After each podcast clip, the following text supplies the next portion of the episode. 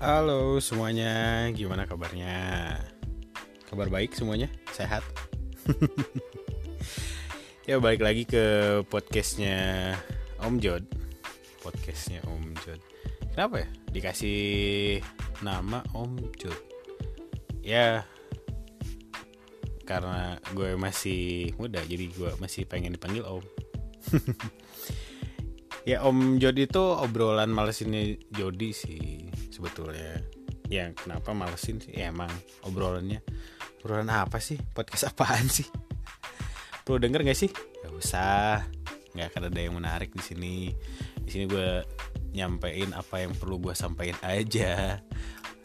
Ya gue di sini bikin podcast sendiri itu memang jadi wadah untuk membagi cerita, membagi pengetahuan yang menurut gue perlu dibagi. Karena setiap orang kan punya tingkat pengetahuannya masing-masing.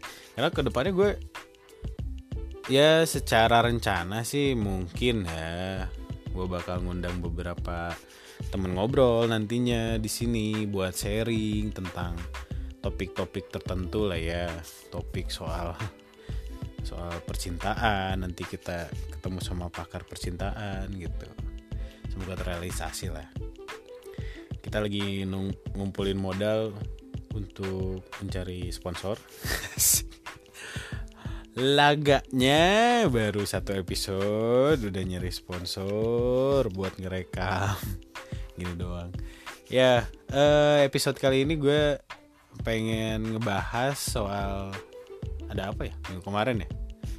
Minggu kemarin hmm oke yang pertama oh tahun ajaran baru ya? Tahun ajaran baru buat teman-teman sekolah? Teman-teman sekolah ya gue juga baru naik kelas 12 SMA tahun depan UN gue.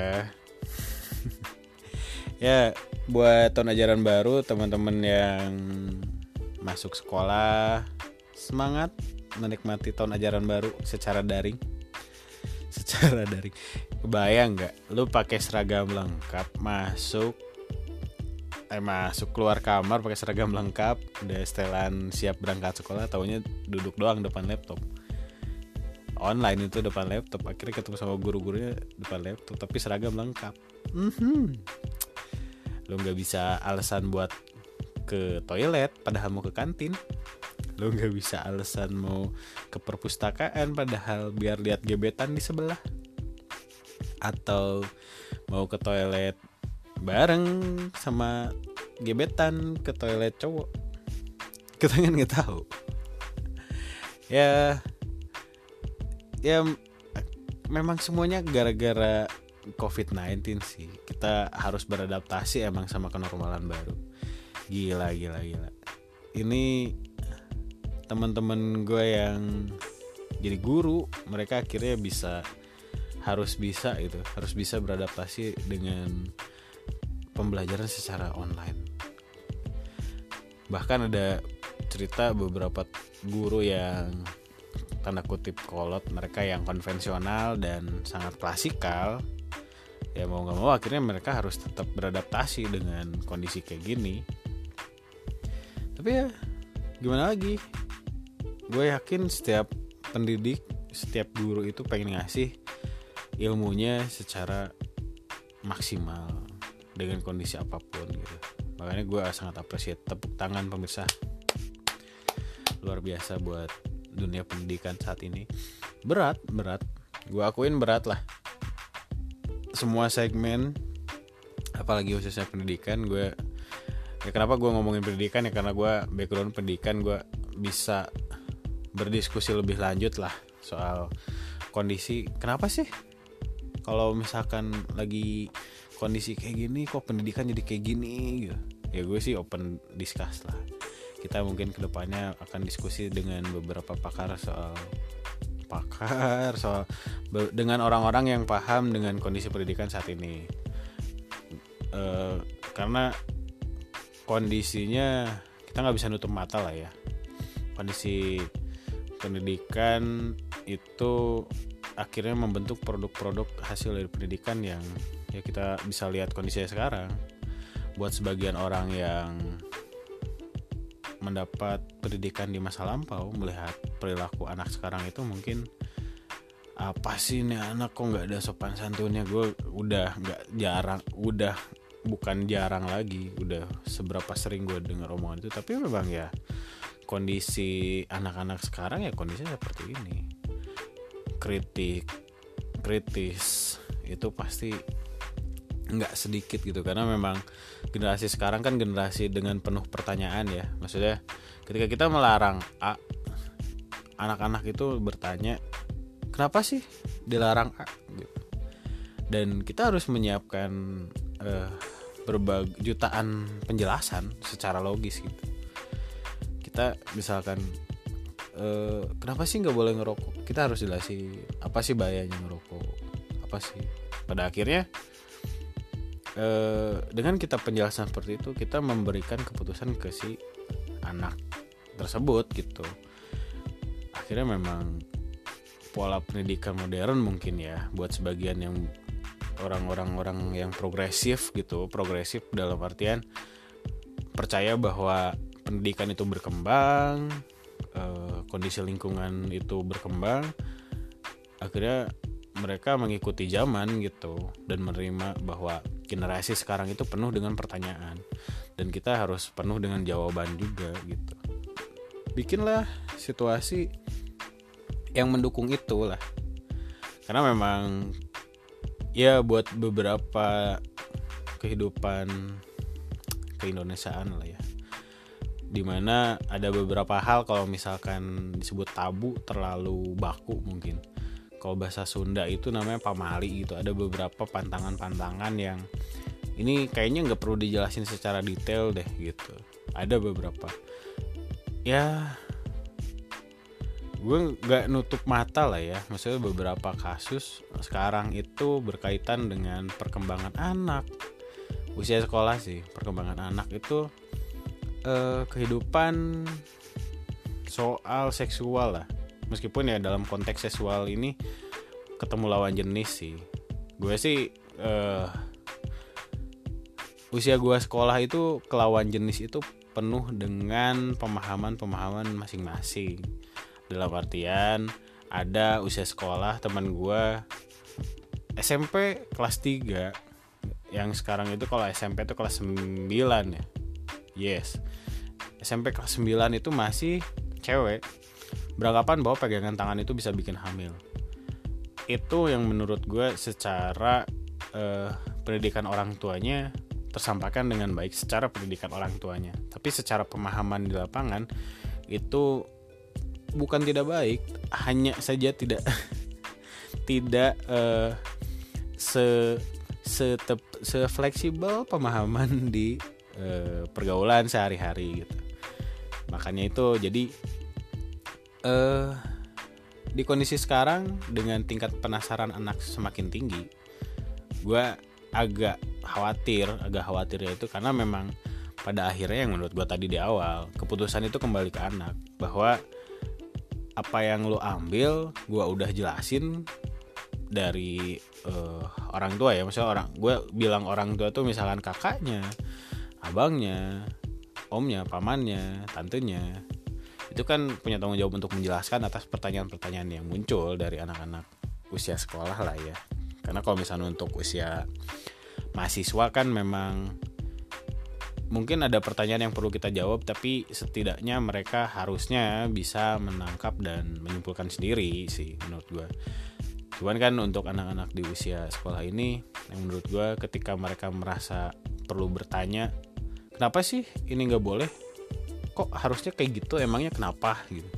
Nah itu yang kita nggak bisa ngeles untuk tidak menjawab sih karena tanggung jawab kita gede di untuk menyampaikan sesuatu yang kita percaya benar gitu. Konteksnya bisa kembali lagi ke orang tua masing-masing. Cuman kan kita sepakatin lah untuk hal-hal yang misalkan berkaitan dengan pergaulan lingkungan teman sebaya yang menurut gue eh, itu adalah hal normal. Misalkan tongkrongan nih. Lu pulang malam lebih dari jam 10 zaman gue SMP SMA lu pulang malam lebih dari jam 10 itu sesuatu yang tidak normal menurut orang tua gue tapi gue bisa beradaptasi akhirnya meyakinkan bahwa nggak akan terjadi apa pun kalaupun misalkan gue jam 12 malam gitu. Apakah gue balik-balik dari tongkrongan itu dalam kondisi yang tidak sadar kan? Enggak gitu. Itu kan sebuah upaya ketika orang tua kita merasa khawatir dan tidak menjelaskan kenapa alasannya gue nggak boleh pulang malam. Ketika gue bertanya dia tidak spesifik dijawab kenapa karena apa. Tapi lebih ke lo balik jam 11 pintu dikunci. Itu sebuah aturan yang tertulis dan terucap tapi tidak terjelaskan kenapa. Tapi sering berjalannya waktu gue balik jam 12 dengan kondisi sadar baik-baik aja nggak ada masalah ya orang tua pun akhirnya percaya bahwa tongkrongan gue aman gitu. Tapi zaman sekarang wah gila bos. Jangan berharap deh. Kita nggak bisa ngeyak ya kita nggak bisa ngejudge uh, orang uh, maksudnya anak ini bisa terkontrol dengan baik atau enggak gue nggak bisa nutup mata kayak gitu sih menurut gue ya. Gue sih ini uh, diskusi terbuka aja lah. Maksudnya nanti kalau misalnya perlu feedback nanti bisa lihat alamat di bawah ini untuk menyampaikan responnya. Saya anak usia sekarang di masa pubertasnya amat sangat tingkat ingin tahunya itu tinggi.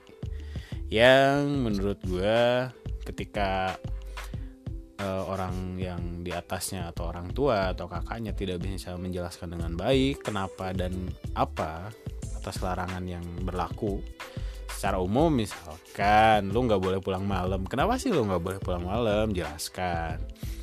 Kenapa sih lu nggak boleh nongkrong sama si A dan si B? Jelaskan kenapa gitu.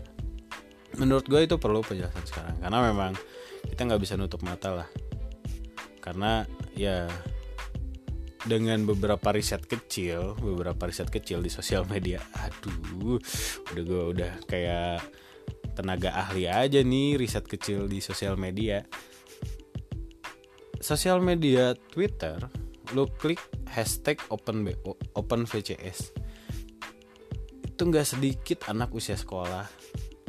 Secara muka nggak kelihatan.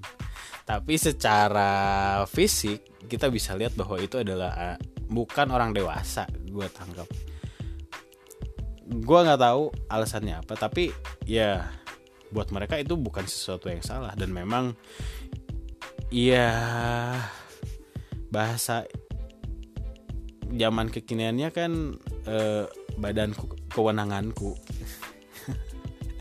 Ya kembali lagi. Cuman kan kita kembali lagi ke eh, secara perkembangan anak.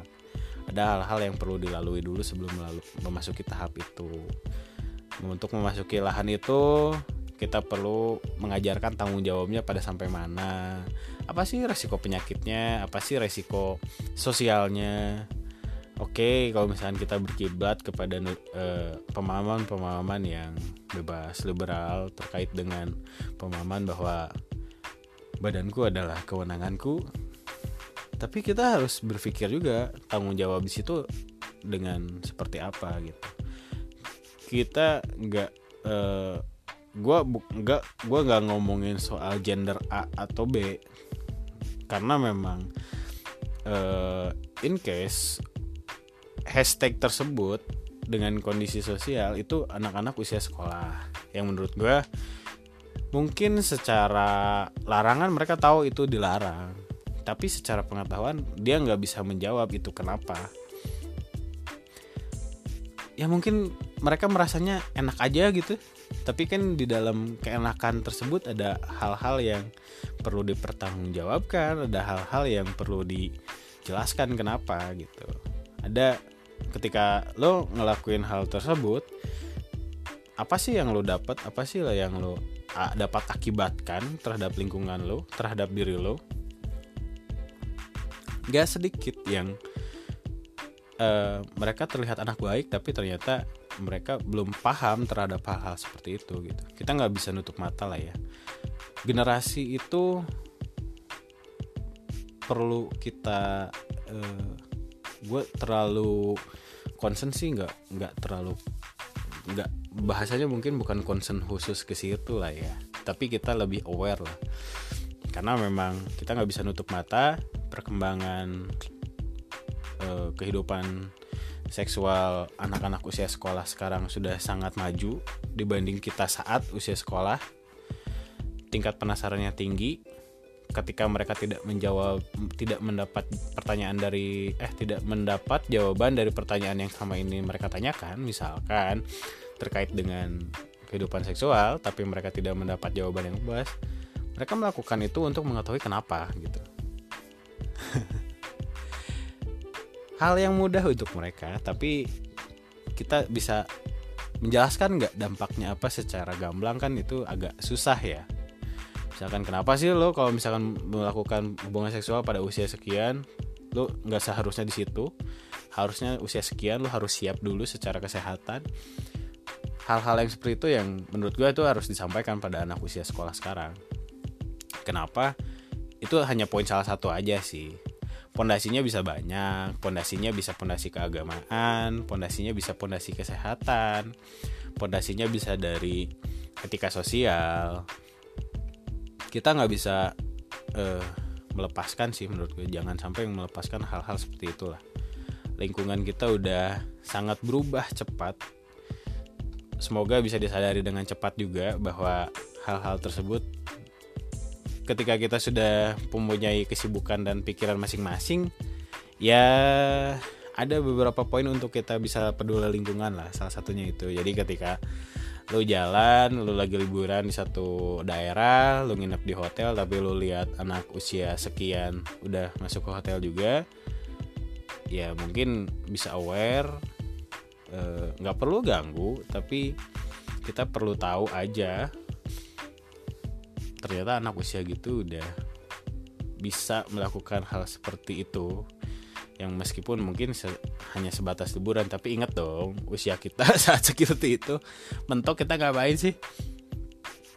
Gue pacaran aja pacaran yang new normal itu ketika usia sekolah ya masuk masuk SMA tapi ya sekarang luar biasa.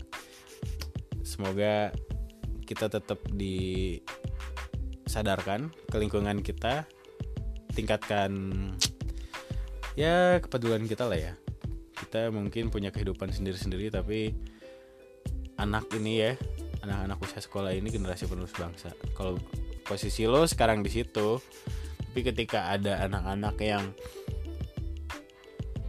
tidak sesuai secara penilaian dari berbagai aspek posisi lo nanti digantiin anak itu dengan kondisi yang secara perkembangannya seperti itu. Lo anggap aja lo punya adik lo punya ponakan lihat adik dan ponakan lo arahin adik ponakan lo jelasin kenapa kayak gitu. Lo bisa lo bisa lakuin yang terbaik. Gue percaya Indonesia jadi lebih baik dengan sedikit kepedulian lo semua.